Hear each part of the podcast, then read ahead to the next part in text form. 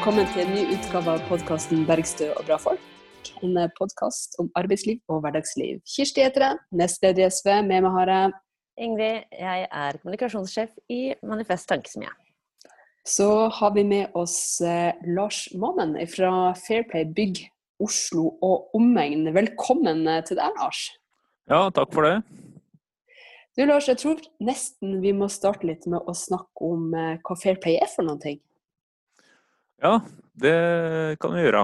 Fair play bygg, da. Det er jo Spiller jo på den derre idrettstankegangen. At det skal være like regler, og folk skal forholde seg til regler, og ingen skal jukse, ta snarveier og doping osv. Det er jo sånn en del i byggebransjen har opplevd, at mange vinner anbud ved å ta noen snarveier og jukse og dumpe lønn, eller ikke forholde seg til regelverket. Da.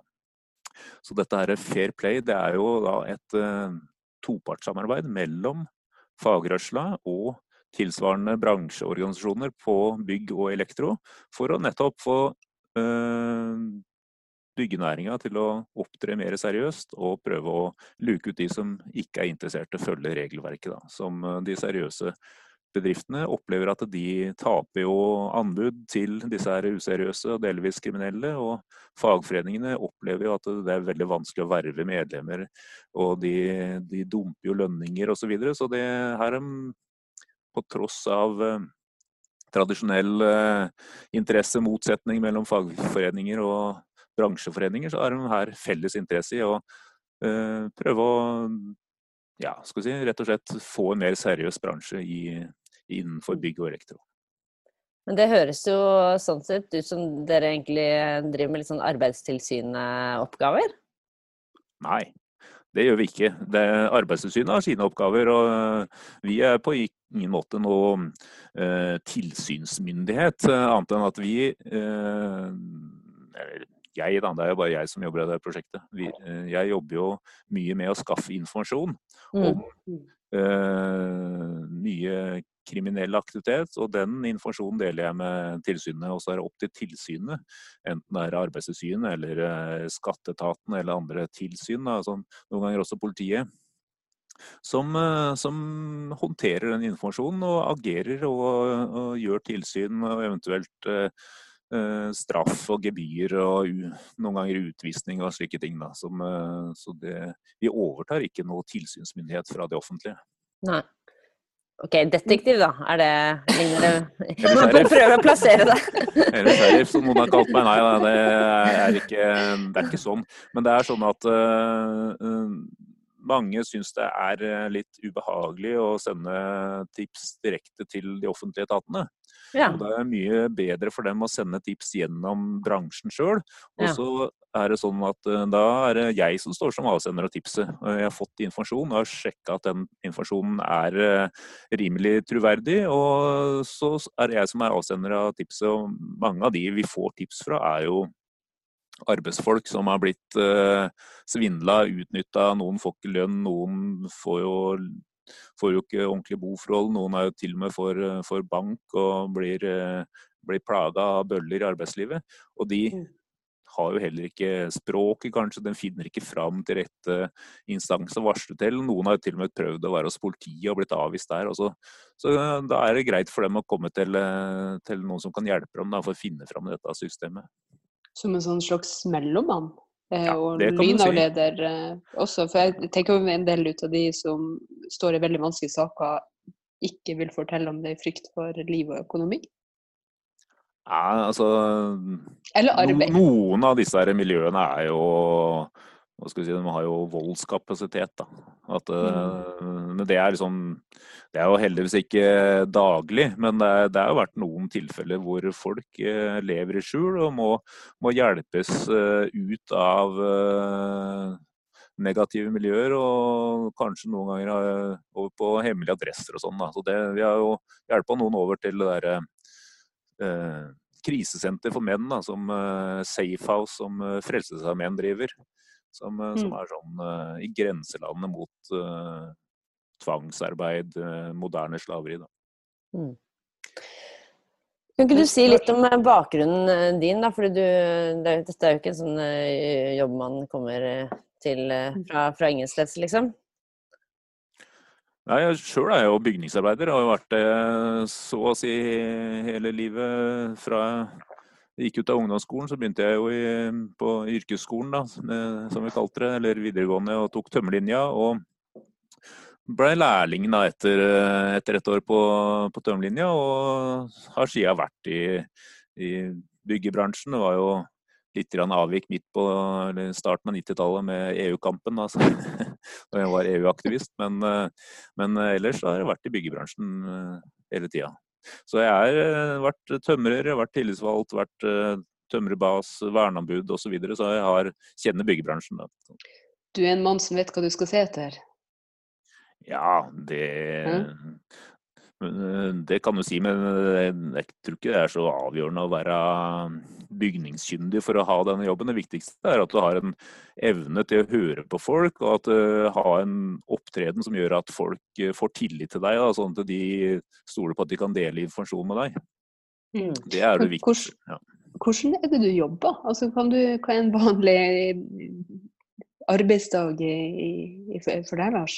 Og hvilken metode er det du jobber etter? Er det mest sånn at folk eh, kjenner til dere og tipser, er det oppsøkende virksomhet, eller eh, eh, Kan ikke du fortelle litt om det?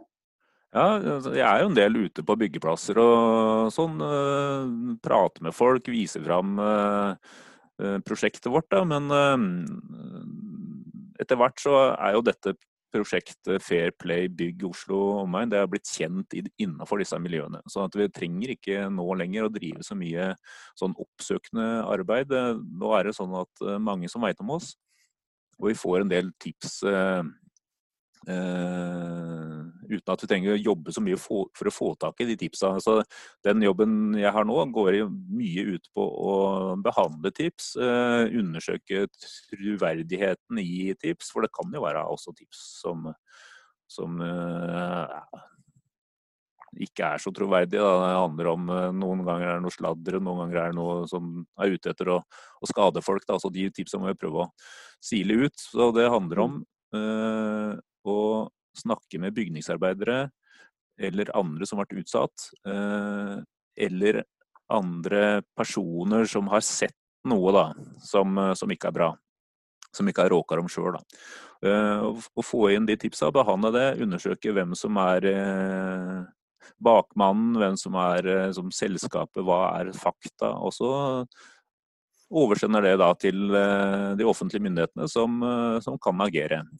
Men i tillegg til det, så er det jo mange av disse arbeidsfolka som, som har forskjellige problemer. Eh, at de ikke har fått lønn, at de ikke har, har fått en arbeidsskade, eh, blitt usaklig oppsagt. Og dette er jo mennesker som eh, ofte ikke er medlem i fagforeninger. Mm.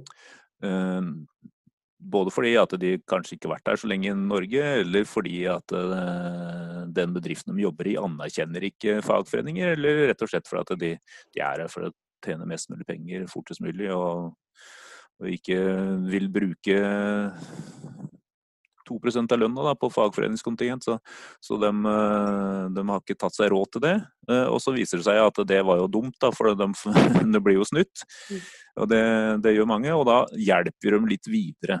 Vi, vi, skal ikke være en minifagforening som løser saker for folk, men vi hjelper dem litt videre. Vi viser dem hvordan de kan kreve lønn som de ikke har fått, og vi har noen advokater vi samarbeider med, og vi hjelper dem litt videre, sånn at de får noe igjen. Da Mm. for å tipse til oss, for det er det som mange opplever som veldig frustrerende. Ja, De kan gå til Arbeidstilsynet og fortelle at det her ble lønn langt under minstelønn, og det var sånn og sånn, og en arbeidsskade, men da sier Arbeidstilsynet nei, sorry, det der er jo privatrettslige forhold, det kan ikke vi løse. Eh, så det er opp til arbeidstakerne da, å sende lønnskrav. og det, det er jo en prosess som kan være nokså vanskelig. Da, og da da er det greit å ha noen advokater som, eh, som, har gjort dette før, og ha et system på det. og Ofte er det jo gode saker, så arbeidstakerne vinner sakene sine når det kommer opp. da Enten blir det et forlik, eller, eller, så blir det rett og slett en, en konkurs da, som, eh, som, gjør at de eh, får slått bedriften konkurs, og får igjen lønna si gjennom lønnsgarantifondet. Mm. Ja, fordi det er jo ikke sånn at man Altså, fagforeninger hjelper jo medlemmene sine. Det er jo ikke sånn at man liksom havner i, havner i vanskelige situasjoner, og da skal man melde seg inn i Det er jo litt sånn Du melder deg ikke inn i forsikringsselskapet når Eller hva heter det? Du kjøper deg ikke forsikring for at huset brenner når det brenner, liksom? Nei, da er det litt seint. Ja. Mm. Nettopp. Men, eh, men, eh, når jeg hører på det du forteller, så er det jo og Du sa jo det om finansieringen av dere, eller at det er både arbeidstaker- og arbeidsgiversida som står bak Fair Play, da. Mm. Men, men det, det, det, høres ut som det er mye på en måte fagforeningsaktig arbeid du driver med også. Jeg tenker på, eller i hvert fall at, at det er mye som, som fagforeningene også gjør, da, det du, det du driver med. Um, vil du si litt om hvorfor folk ikke tipser uh, fagforeninga? Ja, det gjør de også. Det er mange som tipser fagforeninger. Det er mange fagforeninger som også jobber litt på samme måten. At de sender informasjonen videre til de offentlige myndighetene. Uh, ok, men Snu på, snu på spørsmålet. da. Hvorfor, hvorfor de føler det uh, lettere å tipse deg da, enn fagforeninger? For jeg vet jo selvfølgelig at fagforeninger også får, får den type hendelser. Det, det, er jo mange grunner til. Uh, kan jo være at en del av disse kommer fra land hvor, hvor ikke er, samfunnet er ikke prega av samme tillit som vi har i Norge, da, for å si det enkelt. Sånn at uh, man oppfatter fagforeningene som, som noe annet enn det vi som har vokst opp i det norske systemet, tenker om en fagforening. da. Mm. Mm. Sånn at det er ikke alle som har, har, den tilliten vi har til fagforeninger. og det, Noen ser på det som noe annet enn en uh, foreninger som er til for å hjelpe medlemmene. Noen ser på det nærmest som, uh, som noe negativt, da, noe arv fra sovjettida osv. Som, uh, som disse, mange av disse arbeidstakerne kommer jo fra Øst-Europa. Mm. mm. Men Lars, er det sånn at du slipper inn overalt? Er det sånn at du får slippe inn på byggeplasser, eller kan du hindre seg adgang ja, der? Ja, nei. Ja vi har ikke noe myndighet til å gå inn på byggeplassene. Så, så, hvis jeg skal inn på en byggeplass, så, så, må jeg jo presentere meg og si at jeg gjerne vil inn for å prate med noen. Og da slipper jeg som regel inn. Eller så, så er det jo sånn at uh, når jeg går på byggeplasser og prater med folk, da får jeg ikke samme informasjon som om jeg treffer dem utafor byggeplassen. For på byggeplassen så er det alltid en eller annen som ser hvem som prater med hvem, og så er det mm. noen som kan rapportere til sjefen, og så er det formann han ser og hører, og da, da får jeg ikke samme informasjon. For da, da har de lært ei lekse. At de jobber sju og en halv time om dagen, de tjener minstelønn, og, og alt er greit. Det har de fått beskjed om å si. Men når det kommer til stykket, da kanskje vi treffer dem F.eks. på Frelsesarmeens uh, suppekjøkken, eller de har sånne sjølhjelpsgrupper, uh, både Frelsesarmeen og andre sånne veldedige organisasjoner. Da får du nok gjøre en helt annen historie. Så det, det er begrensa verdi, den Det å gå ut og prate med folk på byggeplassen. Vi gjør det òg, men ofte er det da en tilpassa versjon av virkeligheten de kommer med. Så det er på suppekjøkkenet at du får uh, den ekte versjonen. Ja. Mm. da er det jo litt seint, for da er de ofte helt utslått. ikke sant? Men da ja. kommer det fram uh, de, Dette er jo helt uh, vanlig framgangsmåte. De tar seg jobb hos en landsmann kanskje, eller en, en nordmann da, som driver et foretak. de får lovnader om lønn og det ene med det andre. Men det er ikke klart helt nå. Og Så jobber de en måned, så får de litt lønn. Så jobber de neste måned, så får de litt lønn. Og så sier sjefen at bare vi får inn noe mer penger, så skal vi betale ut all lønna. Og så, så, skjønner de til slutt at dette er en svindel. De får aldri den lønna. Mm. Og da slutter de, da. Og så står de der på bar bakke, og da har de kanskje ikke noe sted å bo. De har ikke noe penger å leve for. De har en familie i hjemlandet som har forventa at de skal komme hjem med en viss uh, fortjeneste. Da. Og mange havner i en veldig vanskelig situasjon. Og det er for noen av de der er det sånn suppekjøkken og veldedige organisasjoner som, uh, som rett og slett gjør at de ikke fryser i hjel og har, har til leveveien. Da. Og det er jo det er jo tragisk, men det er mange flere av de som har vært i byggebransjen og jobba og blitt lurt for lønn, det har havna på gata og får masse problemer, altså. Men, men, når du da møter dem, får, da får du da navn på, på svindleren og firmanavn og sånne ting? Ja, ofte får jeg det. Mm. det men noen ganger så er de skremt og ikke tør å mm. gi det ut. For dette, det her, dette miljøet er bøller og, og trusler, da. Vil du gå så langt som å kalle dere som mafiaaktig? Ja, deler av byggebransjen i er jo mafiaaktig, da. På den måten at det er godt organisert. At det er eh, Det er øh, organisert med noen rekrutterer arbeidskraft i et annet land. Flytter denne arbeidskrafta til Norge. Arbeidskrafta blir utnytta. Øh, og når den er ferdig utnytta, så blir den dumpa. Og så er det også organisert på en sånn måte at det finnes bøller og torpedoer og sånn som, eh, som, kan straffe den profitten som eh, Eller kan straffe de som truer den profitten som disse eh, organisasjonene har, har tjent penger på. Da. Mm. Så det er, jo, det er, jo, store penger. Og det er klart at når det er lovløse penger, så kan du ikke gå til politiet og be politiet beskytte pengene dine heller. Da er det andre systemer som vokser fram. Da. Mm. Men det er viktig å si at dette er jo ikke Det er jo ikke sånn de fleste bygningsarbeidere har det. Det er viktig å si. Dette er jo liksom Det er en liten del av bransjen mm. som er uh, så kriminell, men det er en mye større del av bransjen som er useriøs. Da. Så det, vi må skille mellom det som er rein kriminell og på grensa til mafia og driver nesten med moderne slavehandel, og så er det den delen av bransjen som, uh, som jobber svart. Og det er en ja, det er en uh, svart økonomi, og så er det den som er useriøs, bare tar noen snarveier, uh, har litt dårlig HMS, og så er det den store delen da, som heldigvis er seriøs, og som det er, et, det er et bra sted å jobbe i byggebransjen. men ja, det er mange som får litt hakeslepp når vi forteller om de, en del av disse historiene som eh, vi har opplevd. Mm. Men, men, du har jo vært, som du sa, i, i bransjen i, siden du Ja, hele, hele livet, holdt jeg. Eh, nå ser jo ikke folk eh, alderen din her, men du har jo vært med noen år, da. Eh, hvor, eh, hvordan vil du si bransjen har utvikla seg fra du begynte som, som lærling i sin tid? Det som er eh, viktigste forskjellen er jo at den har blitt en internasjonal bransje. Når jeg begynte, så var det jo bygdegutter som meg som, eh, som eh, kom inn til byene og, og, og bygde. Og det var liksom et visst innslag av finsk og svensk arbeidskraft og en eller annen dansk murer. Men, men det var jo for det meste norsk arbeidskraft og en del sånn skandinavisk arbeidskraft som kom inn. Men, men nå er det jo en internasjonal bransje. Eh, så det er det største skilnaden. er at eh, på byggeplassene rundt omkring nå så er det mange forskjellige språk. Det er helt vanlig å kommunisere med hverandre på engelsk. Det er eh, oppslag, sånne plakater sånn, på flere språk, og det er et langt større internasjonalt innslag da, enn det som var når jeg begynte. Det er jo en stor forskjell.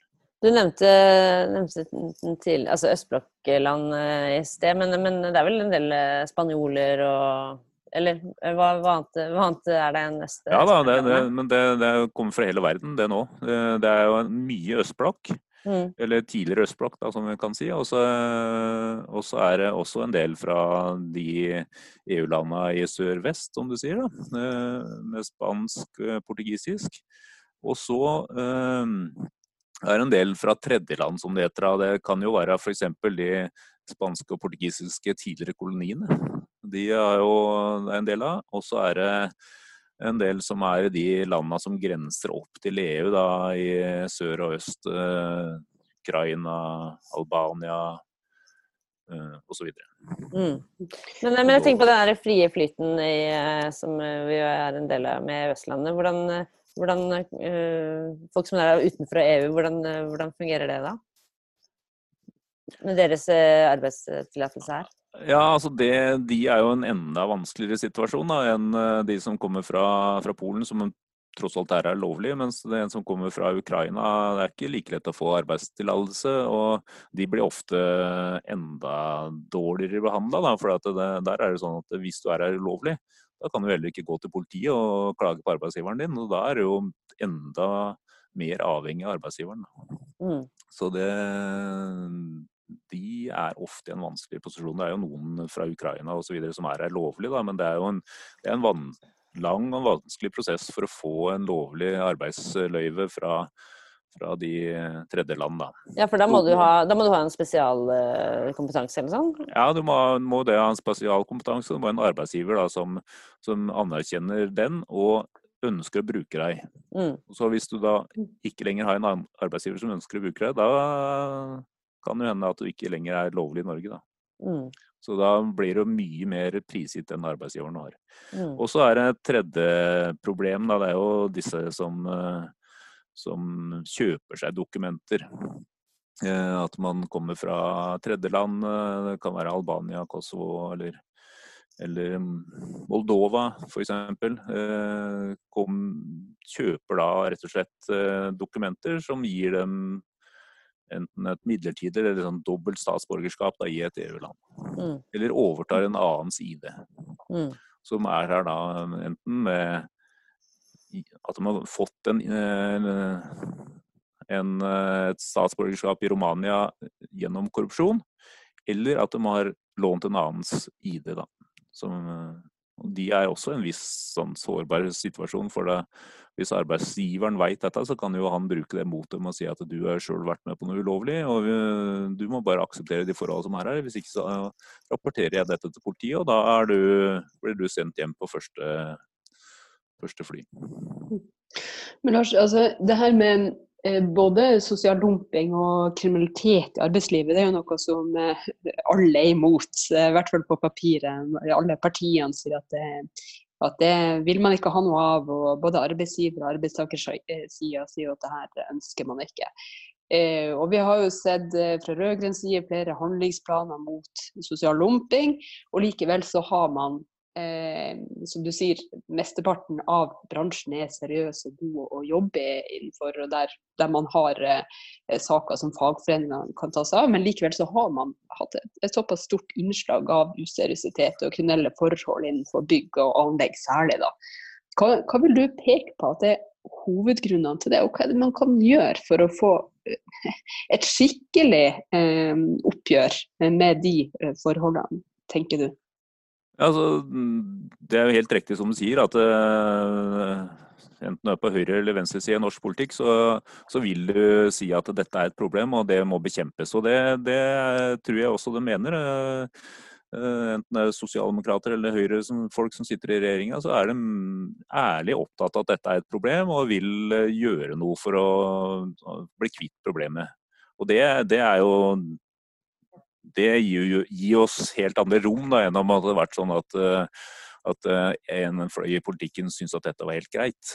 Og det er jo ikke. Og det er jo takka være ja, en del fagforeninger og aktivister da, som har fått opp dette problemet og greid å adressere det så tydelig at, eh, at vi har vunnet den, den, kampen. Da, at vi ikke trenger å overbevise folk om at Aker er feil.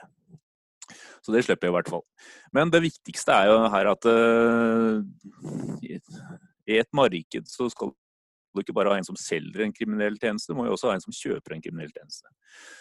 Så, så hæleren er jo ikke noe bedre enn stæleren, som vi sier der jeg kommer fra. at det, det er folk som etterspør uh, svart arbeid. Det er folk som ser gjennom fingra med at arbeidsfolka blir svært dårlig behandla. Og det er de som skaper dette markedet for, for, denne virksomheten her. Og de tjener jo også penger på dette her. At eh, de får jo ja, det er ikke uvanlig nå at uh, folk kjøper opp flere leiligheter, eh, driver liksom pusser opp leiligheter og selger igjen. Og da kjøper de selvsagt det billigste anbudet. Mm. Og da ser de jo gjennom fingra med at her foregår ting som ikke er bra. Og når du får liksom et anbud som er 300 eh, 000 for å putse et bad, og et anbud som er 100 000, så tar de det til 100 000. Da blir det ikke mye igjen til den der flisleggeren og rørleggeren mm. som skal, skal, jobbe der. Det er jo bare materialkostnaden omtrent. Men det er altså et marked for, for det her. Og det, så lenge det markedet finnes, så vil det også være folk som tjener penger på å jobbe i dette markedet og utnytte folk. Så vi, må bli kvitt viljen og uh, etterspørselen etter svart arbeid og, og kriminell arbeidsgiver, altså. Men er det noe man kan løse gjennom liksom, eh, forbrukerbevissthet, da?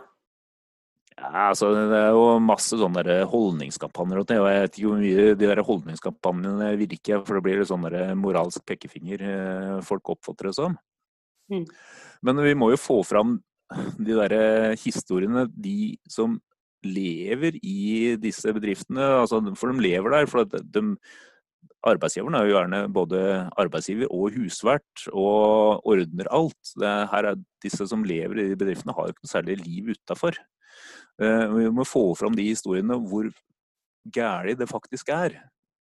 For når jeg, når jeg begynte i byggebransjen, da var det sånn at det var ikke noe som uh, særlig fordømmelse av hvis en snekker tok et oppdrag for naboen og skifta en vindu og malte stakittgjerde for å spe på feriebudsjettet sitt. Og det er jo liksom det folk tenker om svart arbeid. Da. At det er jo ikke så farlig. Det går liksom til arbeiderne. Men Sånn er det ikke lenger. Svart arbeid er et kjempeproblem. Det omsettes for titalls milliarder innenfor det her. Og det er jo også sånn at de som lever i disse kriminelle bedriftene som omsetter med svart, de blir jo grovt utnytta.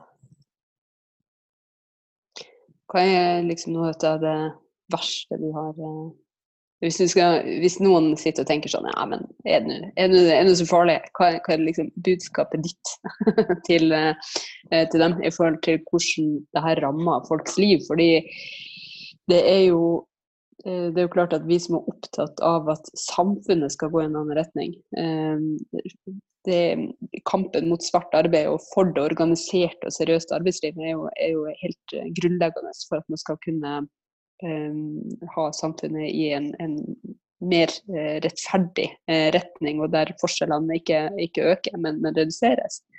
Men hvilke eksempel vil du trekke frem for å, for å kunne eh, si noe om eh, hvordan utfall det her får i praksis? Ja, det jobber vi mye med. Vi har jo fått en del oppslag i, i dagspressa om dette, for å nettopp synliggjøre problemet, hvor gærent det faktisk er. Og dere kan også eh, laste ned årsrapporten vår, som ligger på, på heimesida vår på Fairplay Oslo Omegn. Der eh, står det noen eksempler da, som, eh, som, vi kunne trekke fram. Vi hadde jo f.eks. han eh, karen som er omtalt der, som, eh, som fikk juling. Eh, han hadde jobba noen måneder hos en arbeidsgiver. Pigge ut eh, ja, pigge ut sånn grunnfjellet under en, eh, under en, stue som skulle bli da, en ny kjellerstue som skulle få større takhøyde der. Mm. Hardt fysisk arbeid. Jobba mye. Eh, og fikk jo ikke lønn, da. Så det ville han jo gjerne ha. Så han sa jo til arbeidsgiveren sin han jobba der to måneder eller noe, og jeg skal ha lønna mi. Så han, ja, det var greit. Du kunne møte opp uh, nedenfor Akershus-kaia den og den dagen, det og det klokkeslettet, så skulle du få lønna i kontant. Ja, han møtte jo opp der, da. Han fikk jo ikke lønn, han fikk jo juling.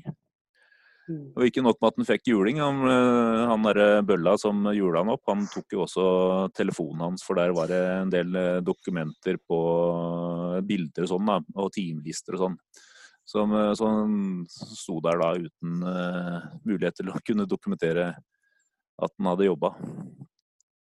Uh, og det Jeg fikk faktisk tak i han der huseieren. Han ble jo helt sjokkert da når han hørte om at han hadde hatt uh, sånne arbeidsforhold med han. Han hadde jo trodd at han hadde kjøpt fra et seriøst firma, han da. Han, han, trodde faktisk det? Han trodde faktisk det. Han hadde jo bedt om å få regning med moms osv. Men så var det, jo bare, det var jo bare svart hele greia. Men eh, det hadde jo bare skrevet på moms, men den momsen ble jo ikke innbetalt. Så der, eh, han hadde jo han hadde gjort visse undersøkelser og trodde han hadde kjøpt, eh, kjøpt det svart, men han hadde kjøpt det billig. Da, så det, det, er jo, mm. det er jo litt Han har jo, kunne jo gått i en norsk eller et registrert firma med mesterbrev og fagbrev og tariffavtale. Og hadde jo unngått det der, selvsagt. Men, men han kjøpte det, Ja. det er det man må hvis man skal på en måte prøve å være liksom bevisst forbruker og ta ansvar, så er det det man må. tenke Det var bare, bare en av disse eksemplene. Mm. Noe annet som dere også kan lese om i årsrapporten vår, det er jo han derre som Eh, som ble lurt til å opprette et eh, personlig foretak, da, en sånt enkeltmannsselskap som det het, kaltes. Eh, han øh, jobba jo hos en annen arbeidsgiver som ble lurt til å opprette dette her, og så var det noen andre da, som misbrukte det selskapet til sånn momssvindel. Så kom jo denne ene svindleren kom jo i fengsel pga. en annen sak. Og da stoppa jo omsetninga i dette foretaket som min eh, kilde da på papiret var ansvarlig for. Men det som ikke stoppa, var jo skatter og avgifter og alt det der, og det ble jo fort mye penger. Eh, og i og med at det ikke var et AS, men et eh, privat foretak, så personen i foretak, så ble jo han karen personlig ansvarlig for den gjelda. Og til mm. slutt så fikk han jo sletta det der selskapet, da, men allikevel så sto jo den gjelda på han, og han fikk jo et kjempeproblem. Det var stor gjeld. Eh, så han måtte jo ta opp noe kredittkort til, selge bilen sin, og så måtte han også ta opp gjeld hos arbeidsgiveren, som var med på svindelen. Og da var han plutselig nødt til å skrive inn på en arbeidsavtale som sa at han ikke kunne slutte hos den arbeidsgiveren før han hadde nedbetalt gjelda. Altså Han var innelåst da i et selskap uh, hos en som hadde svindla han, og så hadde han påført han en gjeld. Og så han, kunne han ikke slutte der før han hadde nedbetalt den gjelda ved at den skulle trekkes da 10 000 eller 5000 over lønna hver måned. Fullstendig fanga? Fullstendig fanga, og det mm. der er jo horrible greier. Og de, de der svindlerne hadde jo ført ut store penger ut av det, mm. det svindelaffæren og ført det nedover til, til Balkan. Da. Mm. Så det, det, var en annen Den gikk jo bra til slutt, da, men uh, Sånn at han fikk jo en del hjelp av advokater og til å komme ut av den og fikk sletta noe av den, noe av den gjelda, i hvert fall. Mm. Men du Lars, hvis noen hører på nå og tenker har dere et tips de vil komme til deg? Kan de bare gå inn på nettsida deres og skrive det, eller ringe det? Ja. Eller hva folk gjør da? Ja, jeg vil gjerne at det? vil gjerne folk går inn på nettsida. Der ligger en sånn mm. tipsmodul. Da, så du kan eh, legge inn, eh, legge inn, en tips, og så kommer det da som en genererer en e-post til meg. Så mm. da, da, da, ser jeg på alle de tipsene som, som kommer inn. Og da eh, vil jeg gjerne at uh, folk gjør det, sjølsagt. Eh, og gjerne også skrive mest mulig opplysninger, da, både med hvilken foretak dette er som driver denne virksomheten, gjerne en konkret adresse, sånn at vi kan gå ut og sjekke og se om det er aktivitet der. Og også gjerne med en avsender, for da et tips med en avsender er mye mer pålitelig enn et uh, anonymt tips. Men det, vi kan jo etterpå avtale at uh, den avsenderen blir skjult når jeg sender tipset videre til, uh, til etatene, sånn at det er vi som står som avsender. Men, men jeg vil gjerne ha en kilde og kunne kontakte, da, sånn at vi, hvis jeg trenger mer opplysninger, så, så er det telefonnummer eller en e-post. Så søker man bare opp Fairplay Oslo? Fairplay Bygg Oslo, ja. Mm. Mm, bra. Du, Lars, vi har jo et fast spørsmål i vår podkast. Nå vet vi at du hadde et langt liv i eh, byggebransjen, eh, men vi lurer likevel på Hva din første jobb var, hvis du, hvis du tjente noen kroner før du begynte som dømmerlærling? Har du noe sommerjobb å fortelle om, eller noe artig? Jeg vet ikke hvor artig det var, men det var jo Det var jo Pelle Jordbær, da. Det var jo det som var eh, den gangen. Så felte jordbær på akkord og mye verre. To kroner curry eller noe som vi fikk. da. Så satt vel mest i jordbæråkeren og dagdrømte. Ja. Det, ble ikke så, det ble ikke så store akkorder, men det var, litt grann da, til eh, lommepenger de somrene jeg gikk på ungdomsskolen, husker jeg. Mm. Spiste du mye jordbær òg, da? eller? Litt lei jordbær, tror jeg. Ja, er det ikke? For det husker jeg hørte om da jeg var på sånn selvplukk eh, da jeg var lita. Så husker jeg at eh, moren min sa du kan bare spise så mye du vil. Jeg var sånn Hæ? Hæ?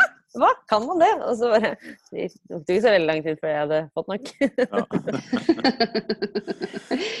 veldig bra. Takk for praten, Lars, og tusen takk for uh, den viktige jobben du gjør hver eneste dag. Uh, og takk til deg som hørte på. Vi håper du fortsetter med det. Ha en fin dag. Thank you.